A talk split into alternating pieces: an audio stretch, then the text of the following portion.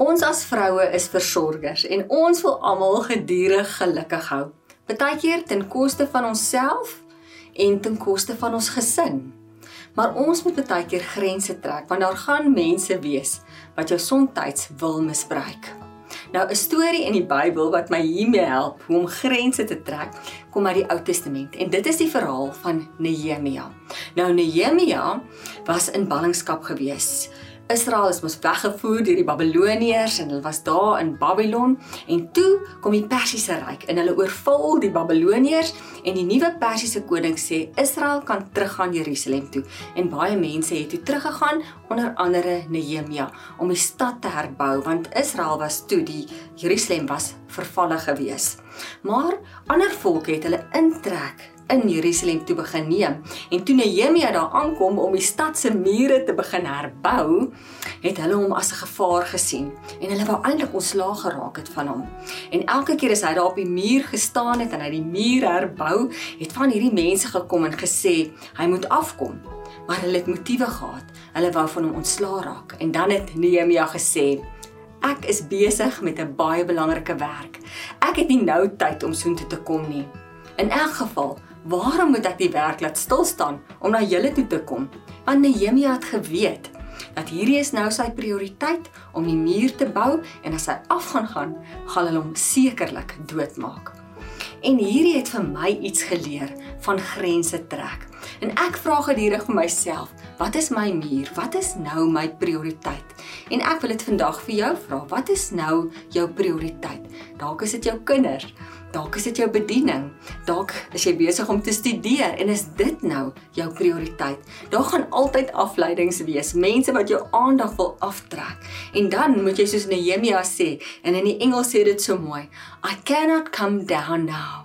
I'm busy building something great. Ek is besig met hierdie taak, met hierdie opdrag wat God my gegee het en ek kan nie nou afkom nie. Rukkie terug vertel 'n vrou vir my dat sy 'n wonderlike pos aangebied is met 'n baie hoë salaris. Maar haar kindertjies is nog klein en dit sou haar baie ure van haar kinders al weggeneem het. En sy het net besef, I cannot come down now.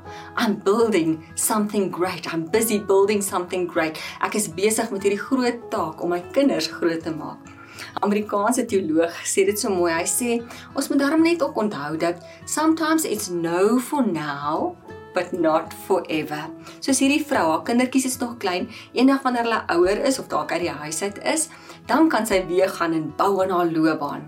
No for now, but not forever.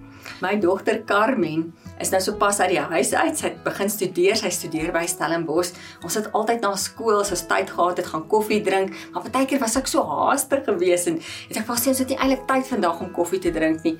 Nou as ek terugkyk, is ek spyt. Ons het dit nie meer gedoen nie. Ja, nou for now but not forever. Dalk is jy nou besig om te studeer en dan is dit nou jou prioriteit. Jou vriende gaan dalk pret hê en hulle gaan uitgaan en hulle gaan fliek en dan moet jy sê no for now but not forever.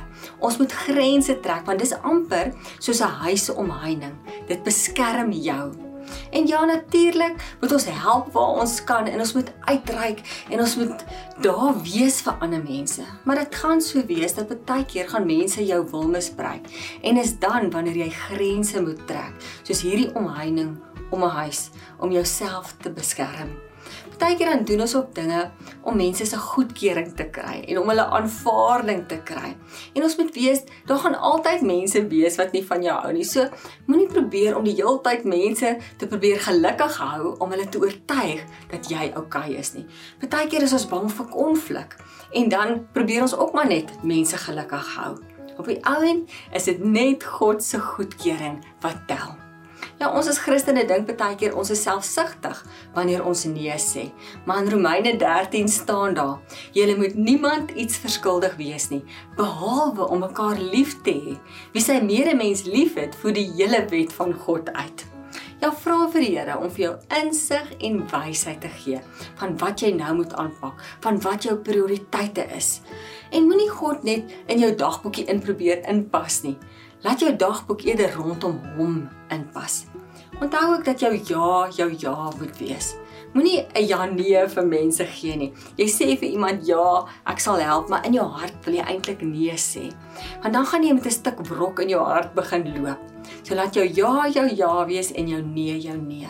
Ons kan op 'n mooi manier vir iemand sê, ek kan jou regtig nie vandag hiermee help nie. Ek het my gesin het my nodig of ek het hierdie groot projek waarmee ek besig is. Wanneer ons dit op 'n mooi manier doen, dan help dit ook. En God het mos vir jou verstand gegee. Gebruik dit. Moenie te veel hooi op jou vurk laai nie. Ek sien baie keer in die bediening dat ma's die laste van hulle kinders probeer dra. En dis nou eintlik 'n preek vir 'n ander dag, maar ons moet ook versigtig wees hiervoor. Ons moet baie keer ons kinders toelaat om hulle eie foute te maak, om self te leer en nie gedurig hulle wil red nie en hulle laste probeer dra nie. Onthou om gesonde grense te trek, want gesonde grense is gelyk aan gesonde menseverhoudinge.